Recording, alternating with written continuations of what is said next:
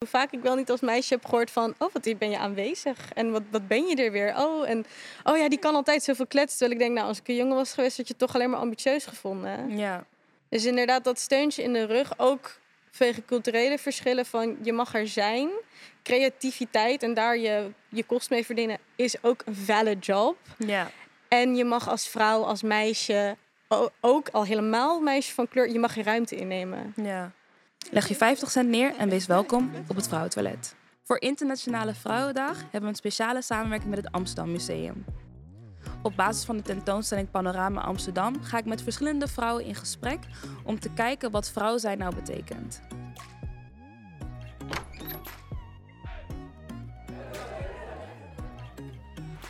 En ik ben hier met Ishara Merhai en zij heeft het object de roggelelie gekozen van Alida Withoos. Vertel, waarom koos je hiervoor? Ja, nou, ehm, ik ben zelf een beetje een weird-ass mengelmoes van dingen. Ik ben, eh, ik ben bioloog, ik ben fotograaf.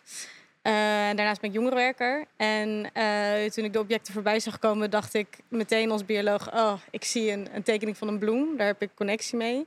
En toen ik het stukje ging lezen over Alida Withoos... is dat ze dus ook werk voor de Hortus Botanicus heeft gemaakt. Nou ja, ehm, ik heb hier in Amsterdam eh, biologie gestudeerd. Dus ik kom, kwam, kwam, kom veel bij de Hortus. Eh, ik, heb, ik heb binding met die plek. Als bioloog komen daar veel. Dus, eh, en verder vond ik het heel mooi om te lezen dat zij kunst maakte met haar vader. Mhm. En deels door haar vader ja, gepusht werd om dingen te maken. En mijn pa is ook wel altijd een goede drijfveer geweest in mijn, mijn levenspad. Zowel Mhm. goed schiks als kwaad schiks. Mijn pa, mijn, allebei mijn ouders komen uit Suriname. En eh, mijn pa die heeft al, eh, al sinds ik heel klein was, mij altijd duidelijk gemaakt... je bent niet alleen bruin in een wit land, maar je Mhm. bent ook een meisje. Dus je moet tien keer zo hard knokken. Dus dat, eh, daar, ja, daar voelde ik gelijk wel een connectie mee. Met Ja. dat, dat stukje van het verhaal. En ehm, je zegt, je vader was zowel, ik ga meteen daarop inhaken, gewoon lekker persoonlijk. Ehm, je gaf dus het aan van, ja, je vader is een, een, een goed schiks en ook kwaad schiks een drijfveer. Ja. Vertel, hoe zag dat eruit? Ehm, nou, ik ben dus in eerste instantie eh, ehm, biologie gaan studeren en nu doe ik iets heel anders. En dat heeft er ook mee te maken dat ik erachter ben gekomen dat de academische wereld gewoon not my cup of tea was. Mhm. Eh, ik werd als vrouw, vrouw van kleur, eh, vrouw die er een beetje wel van haar nageltjes en haar make-upje houdt, niet per se altijd serieus genomen. Ja. Ehm, en dat was voor mij al lastig, omdat mijn pa is arts. Die heeft eh, hard gevochten om voor ons een mooi bestaan hier in Nederland op te bouwen. eh, toen hij vanuit Suriname hierheen kwam. En dat voelde als een soort van teleurstelling. Van je ouders doen je best om voor jou een mooie, mooie plek te maken. Die zien een carrière academisch voor je en dan Ja. kies je iets anders. Dus en daar is altijd veel druk geweest. Prestatiedruk. En ehm, ja, om eh, de coronapandemie voor mij op microniveau een positief daglicht te zetten. Het is voor mij wel een keerpunt geweest om een keer voor mezelf te kiezen. En wat wil ik? Waar word ik blij van? Wat zijn dingen die ik doe, die ik maak, die ik de wereld instuur? De gesprekken die ik voer om zelf geluk te voelen. Ja. In plaats van eh, presteren om eh, ouders, en in specifiek dan mijn vader bijvoorbeeld, blij te maken. Ja, Ehm, het is heel grappig dat je dat zegt, want zelf, mijn vader is ook Surinaams. En ehm, mijn ouders gaven me ook altijd heel vaak mee van, weet je, je bent meisje, je moet drie keer zo hard werken. Mensen gaan je niet serieus nemen. Je bent ook nog van kleur, dus daar loop je ook nog tegenaan. Maar het stukje van bestaan opbouwen, een soort van eh, overlevingsdrang eigenlijk, wat, wat onze ouders dan hebben, dat nemen we soort onbewust over. En dan ga je eigenlijk alleen maar heel vaak de dingen doen die soort van leiden tot stabiliteit Ja, in de hele eh, maatschappelijke norm van dat woord. Dus een goed betaalde baan, huisje, boompje, beestje, koopwoning gaat hem niet worden. Ehm, dus zo ga je dat zeg maar eigenlijk overnemen, heel onbewust. Mhm. En ik denk dat ik daar zelf ook heel erg ben te- aan tegen, tegenaan ben gelopen. In dat ik heel lang soort van, oké, ik ga studeren, dan ga ik dit doen, dan ga ik dat doen. En toen kreeg ik met 19 mijn eerste burn-out. Mhm. En toen ben ik echt helemaal een andere kant op gegaan. Toen ben ik echt gaan zeggen van, joh, weet je, ik wil gewoon even nog niet doorstuderen. Ik weet eigenlijk niet wat ik wil. ja. En ik ben gewoon heel lang gaan werken. En toen ben ik eigenlijk door het werk wat ik deed achtergekomen van... oh ja, dit vind ik wel interessant. Of ik wil dit uiteindelijk gaan studeren. En toen ben ik naar de universiteit gegaan en ben ik gaan studeren. Maar ik doe het op de Open Universiteit. ja. Dus dan doe je dat volledig thuis, af en toe een bijeenkomst. En ik merkte ook al best wel snel op het HBO van... oh, dit, dit academische gedoe is niet voor mij. En toen heb ik universiteit geprobeerd. En toen dacht ik al helemaal, dit is helemaal niet voor mij. Dus ik merk dat, dat Ja, misschien is het omdat we ook van kleur zijn dat je daar nog sneller tegenaan loopt. Je wordt gewoon vanaf een hele jonge leeftijd, eh, niet alleen vanuit je eigen kliek, je eigen kring, je eigen nestje, ook van allerlei andere prikkels en lijntjes door de wereld heen, wordt je duidelijk gemaakt van je hoort hier niet helemaal of we zijn jou niet gewend. Dus je- probeert heel erg of te conformeren of om, om je heen te krabben om je plek te vinden. En dat gaat met, met hakken en stoten. En voor mij, ik heb in mijn persoonlijk leven ook gewoon een paar grote keerpunten gehad, waaronder een toxische relatie durven te eindigen. ehm, eh, met niet per se heel veel support zeggen. Ik ga een bestuursjaar doen bij, een, bij mijn studievereniging. eh, terwijl ik ook soort van alleen maar white people daar zag. Ehm, verder ook eh, keuzes maken voor een minor. Of voor zeggen, hey, ik ga nu even een maand niks doen en gewoon lekker mijn bed liggen een maand lang. Dat soort dingen durven te doen. ehm, om echt met jezelf in gesprek te gaan en met jezelf soort van tot conclusies te komen. En ik denk dat iedereen dat die momenten moet meemaken. En zeker als je door heel veel prikkels van buitenaf steeds in hoekjes wordt geduwd. Dat Ja. je moet kunnen zeggen, ik neem even tijd voor mezelf en ik ga mijn, mijn verhaal en met mezelf in gesprek. Ja, ik, ik merk dat zeg maar voor jezelf kiezen een, een, een terugkomend thema is bij jou. Ja. Wanneer, wat is zeg maar het moment dat je zegt, oké, nu kies ik voor mezelf. Wat moet er gebeuren? Welke prikkels moet je krijgen om te zeggen, oké, nee, dit gaan we niet doen. Ik kies voor mezelf. Wat is voor jou echt zeg maar de lijn? Nou de eerste keer dat ik dat heb gedaan is, is eh, sowieso die toxische relatie eindigen. En dat was een moment dat ik dacht, ik ben zo erg voor andermans keuzes aan het leven. Ik had helemaal van, oh, ik ga wel dit werk doen en ik doe dit met mijn leven om voor iemand anders een, een, iets te creëren. En dat is soort van wat ik met mezelf probeer in te checken van, ben ik keuzes aan het maken om anderen blij te maken? Of om anderen hun ideaalbeeld over mij te bewerkstelligen? Of ben ik keuzes aan het maken voor wat ik zelf wil? Mhm. Dus ben ik nu mijn eigen cheerleader aan het zijn? Of ben ik anderen mij aan het laten duwen in een richting? Mhm. En continu die check met jezelf hebben van... ben ik intrinsiek voor mezelf keuzes aan het maken? Waar komt mijn motivatie vandaan? Ja. Hoe doe je dat? Veel Moeilijk, hè? praten, ja, veel praten. Echt, en vooral met mezelf. En dan, dat doe ik door middel van eh, ja, gewoon schrijven, lezen. Ik heb het geluk dat ik inmiddels een hele fantastische hechte bubbel van mensen, waaronder mijn partner, om me heen heb. Waarmee ik gewoon kan praten en die mij aan kunnen kijken en kunnen zeggen... er zit iets niet lekker of je Ja. bent niet helemaal jezelf vandaag. Ja. En eh aan, ja, ben aan blessed dat ik die mensen om me heen heb. En dat is ook inderdaad niet zomaar gebeurd. Maar dat is iets wat, waar je naar zou moeten zoeken. En wat je zou moeten eisen en verlangen voor jezelf. Dat je, dat je een close-knit kern van mensen om je heen hebt... Ja. die het uit je kunnen trekken en die met jou dat gesprek aangaan. Een supportnetwerkje wat je en van je beste kan wil zien en laten zien. Ja, Maar ook die af en toe de spiegel voorhoudt van dit klopt niet. Wat ben je Ja. nou aan het doen? Of hè, denk er nog een keer over na. Of is dit misschien niet de juiste keuze, et cetera, ja et mensen die, die en je grootste cheerleader zijn... en een, een warme denker, maar ook mensen die je aan kunnen kijken... en kunnen zeggen, wat de hel ben jij aan het doen? en gewoon, ja, zonder soort van zijde handschoentjes. Gewoon Ja. echt de rauwe eerlijkheid naar elkaar Ja. toe. Ja. Ja, dat is heel belangrijk. Ik merk het zelf ook dat ik zeg maar beter ben geworden in wat ik doe. Doordat ik gewoon mensen had die zeiden van... Yo, luister, wijfie, heel leuk allemaal, maar dit gaat helemaal nergens over. Hè? Ehm, en dat is eigenlijk het beste wat je kan hebben. En vooral als je van die grote keerpunten in je leven meemaakt. Momenten dat je voor jezelf kiest of een, een relatie beëindigt. Of dat je een hele andere kant besluit in een andere weg besluit in te staan wat betreft je carrière. Ja. Ehm, dan heb je dat ook nodig. Want die dingen zijn heel eng als je het echt helemaal alleen moet doen. ja, en ik vind dat ook kwetsbaarheid is kracht. Ja. Dus je openstellen en ehm, ja, dat is de afgelopen twee jaar super moeilijk geweest... omdat iedereen in zijn kamertje achter zijn laptopje zat. En ik, ik ben eigenlijk heel introvert hoor, maar ik kan heel snel een knop omzetten en doen alsof. Want dan doe ik, oké, ik ben een functie, dan moet het. Ja. Ehm, maar dat is iets wat ik mezelf heb aangeleerd en wat ik heel waardevol vond, is gewoon meteen je openstellen bij mensen. En meteen zeggen, oh hey, dit ben ik en dit heb ik meegemaakt. Kunnen we ervaringen delen? Want zo kom je dichter bij elkaar toe. Zo eh, kan je ervaringen delen. En ik probeer mijn, mijn directe bubbel...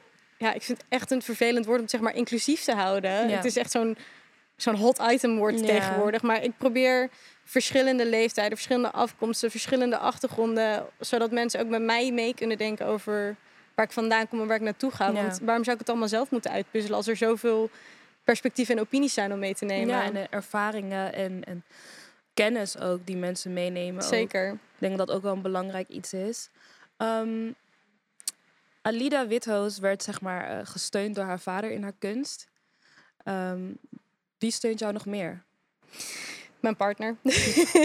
Een partner. Mijn partner is wel echt mijn, eh, mijn, eh, mijn grootste steun en toeverlaat. En ik heb een paar hele hechte vrienden die ik al, al ja, praktisch mijn hele leven bij me heb. Ja, Ehm, daarnaast heb ik het geluk dat ik dus allemaal rare dingen doe. Als in, ik ben bioloog en ik ben betrokken bij, bij, bij, bij dat stukje. Ik heb een achtergrond in het onderwijs, daar doe ik nog dingen mee. Ik werk met jongeren en ik ben voor mezelf fotograaf. Dus ik kan mijn energie spreiden.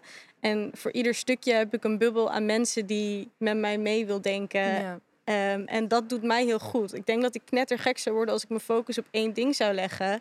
Want ik zou alles soort van willen micromanagen of soort van veel te perfectionistisch en kritisch zijn.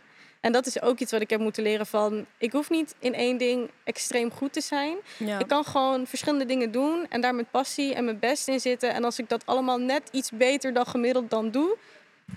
perfectly fine. Ja, ik merk ook wel heel snel dat vrouwen als soort van één ding altijd worden gezien. Je mag één ding doen en daar ben je goed in, dat is jouw ding. Ja, En dan als je er een stap opzij doet, bijvoorbeeld als je zegt van hé, hey, ik ben en schrijver en presentatrice en dit en dat, dan is het meteen van oké, maar wat doe je nou echt? ja, Dat het, het is nooit van oh ja, je mag al die dingen doen. Terwijl ik vind altijd dat bij mannen heel erg wordt geprezen als ze multidimensionaal zijn of meerdere talenten hebben. Ehm, je doet heel veel ook voor jongeren. ja. Vertel daar eens wat over. Ja, ik heb het geluk dat ik eh, voor een ontzettend leuke organisatie hier in Amsterdam werk. Die eh, zich inzet voor, voor jonge vrouwen en meisjes. Eh, en dat doen we door middel van coaching, maar ook door middel van het organiseren van thematische bijeenkomsten, lezingen. En ehm, ja, we zitten ook op scholen door verschillende stadsdelen waar we met jongeren praten. Waar wij ze, de meiden een plek geven om hun hart te luchten, maar ze ook kunnen adviseren. Ehm, Mhm. we hebben contact met jeugdzorg hier in Amsterdam. Dus het is een, eh, het is een netwerkbreed iets. En wat ik mooi vind aan het werk en wat ik heb gemerkt in deze stad is dat ehm, het praten met elkaar, het connecten met elkaar en erkennen dat ehm, jongerenwerk eh, echt wel voor meiden iets anders is dan voor jongens. Ja. En dan breek me de bek niet open over jongeren die LHBTI zijn of ook nog eens een culturele achtergrond of een andere sociaal-economische status hebben, maar gewoon vrouwenspecifieke en meidenspecifieke problemen, dat moet erkend worden. En daar moeten we op gewoon specifiek mee omgaan. Ja. En een, een belangrijk ding wat nu ook eh, meer speelt in jongerenwerk is zeg maar het cultureel bewuste werk. Ja. Ehm, dat we, zeg maar, er is een bepaalde norm, dat is natuurlijk de witte norm in, in zorg en jeugdzorg. En dat we nu eigenlijk na al die jaren een soort van ruimte beginnen te maken voor cultureel bewust. Ehm, dus dat wil zeggen rekening houden met iemands afkomst of religie of Ja. ehm, andere normen en waarden. Ehm, hoe kijk je daar zelf tegenaan? Ehm, nou, ik, ik, ik merk het heel direct. Want eh, een paar weken geleden zat ik nog in eh Stadsdeel Nieuw-West met jongeren. En nu zit ik in Zuidoost. Nou, zelfde leeftijd, hele andere achtergrond. Ja. Ik ben zelf ook, ik ben eerste generatie Nederlander. Mijn ouders komen uit Suriname. Ik heb een broer die zes jaar ouder is en een broertje die zes jaar jonger is. Oh, dat is wel heel... Mega verschil, weet Ja. je. Die, die zijn allebei hier in Nederland geboren, maar die hebben een totaal andere ervaring. Ja. En het, je kan, iedereen heeft een eigen unieke ervaring. En je kan wel een soort van mensen indelen en soort van je inlezen van, oh ja, ik heb nu met eh, een Surinaams iemand of met een islamitisch iemand of zo te maken. Maar iedereen heeft zijn eigen verhaal. Ja. En het is denk ik vooral het belangrijkste dat je open staat en dat je in eerste instantie luistert. Want we hebben met superveel jongeren te maken die ouders hebben die ergens anders vandaan komen. Die misschien niet eens goed de taal nog steeds spreken of het hele Nederlandse systeem super heftig vinden nog. Maar zij groeien wel hier op in Nederland. Ja. Ehm, en daar moet je hun niet op afrekenen. Je moet met die jongeren meedenken en je moet openstaan voor hun ervaringen. En ehm, ook al zijn het soms kids, ehm, ga met ze aan tafel zitten en ga niet boven ze staan. Ja. Weet je, sta ervoor open. Leer van hun ervaringen en hun beleveniswereld. Ja. Als jij vroeger een jongere werker naast je had staan, welke steun zou je willen dat zij jou boden? Wat had je nodig toen je nog een jong meisje was? Ik had het denk ik nodig om te horen dat er veel meer mogelijk is dan arts worden of rechter worden of wetenschapper worden. En dat de dingen waar ik passie voor had, waaronder fotografie, dat ik daar veel eerder mijn werk van had kunnen maken. En Ja. dat het helemaal niet verkeerd is om als meisje om te gaan staan en te zeggen, met jezelf te presenteren. En je mag ruimte innemen. Want hoe vaak ik wel niet als meisje heb gehoord van, oh, wat ben je aanwezig? En wat, wat ben je er weer? Oh, en oh ja, die kan altijd zoveel kletsen. Terwijl ik denk, nou, als ik een jongen was geweest, had je toch alleen maar ambitieus gevonden. Ja, Dus inderdaad, dat steuntje in de rug, ook vanwege culturele verschillen van je mag er zijn. Creativiteit en daar je, je kost mee verdienen is ook een valid job. ja, En je mag als vrouw, als meisje, ook al helemaal meisje van kleur, je mag je ruimte innemen. ja. Ik denk dat dat een, een be- belangrijk bericht is, überhaupt voor vrouwen. Dat ik merk het zelf ook in kleinere dingen, dat ik soms denk van, oh, ik, ik probeer niet op te vallen. En dat is zo raar, want je mag opvallen. En of je opvalt of niet, heeft niet te maken met hoe je jezelf presenteert, maar wie het publiek eigenlijk is. Ja.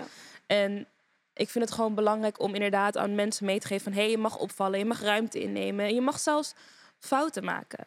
En je, mag, je mag een keer op je bek gaan, je mag een keer voor schut staan... zonder dat het een heel ding hoeft te zijn. En vrouwen worden best wel snel soort van neergezet als dat prinsesje... of het onschuldige meisje. Ja, of of dat luidruchtige kreng wat er altijd weer zo moet zijn. Je, dat soort feminist dingen. en dat soort dingen allemaal. En ik denk dat het belangrijk is om te laten zien van... Ja, we kunnen meer dingen zijn dan één ding. Ja, we mogen ruimte innemen. En ja, je kan ook jezelf loswringen van het elitaire kantoorwerk of, of arts zijn. Dat soort dingen. Dat is zeg maar waar je naartoe moet Ja. gaan.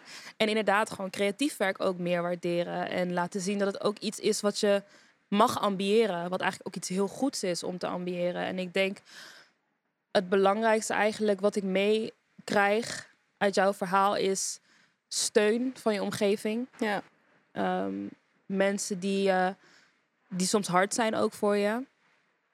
Ambities, zowel creatief als gewoon eh, ambities in werk. Persoonlijk ook, want je bent steeds bezig met beter worden, evalueren, over jezelf ja, leren. zeker. En ook een stukje maatschappelijk, weet je, doe iets voor anderen. Ja, ik denk dat het de mooiste samenvatting is eigenlijk maak contact. Niet alleen met mensen die al in je inner circle zitten, maar st- sta open voor mensen, sta open voor perspectieven en probeer actief contact te maken. En dat kan zijn door gewoon in het OV te zeggen: Yo, hey, jij hebt een mooie jas aan. Of door Ja. gewoon iemand aan te kijken en een glimlach te geven, maar ook door online contact te maken. Ik denk dat dat iets is wat mij de afgelopen paar jaren heel erg heeft geholpen te ontwikkelen en, en mijn doelen te kunnen gaan behalen.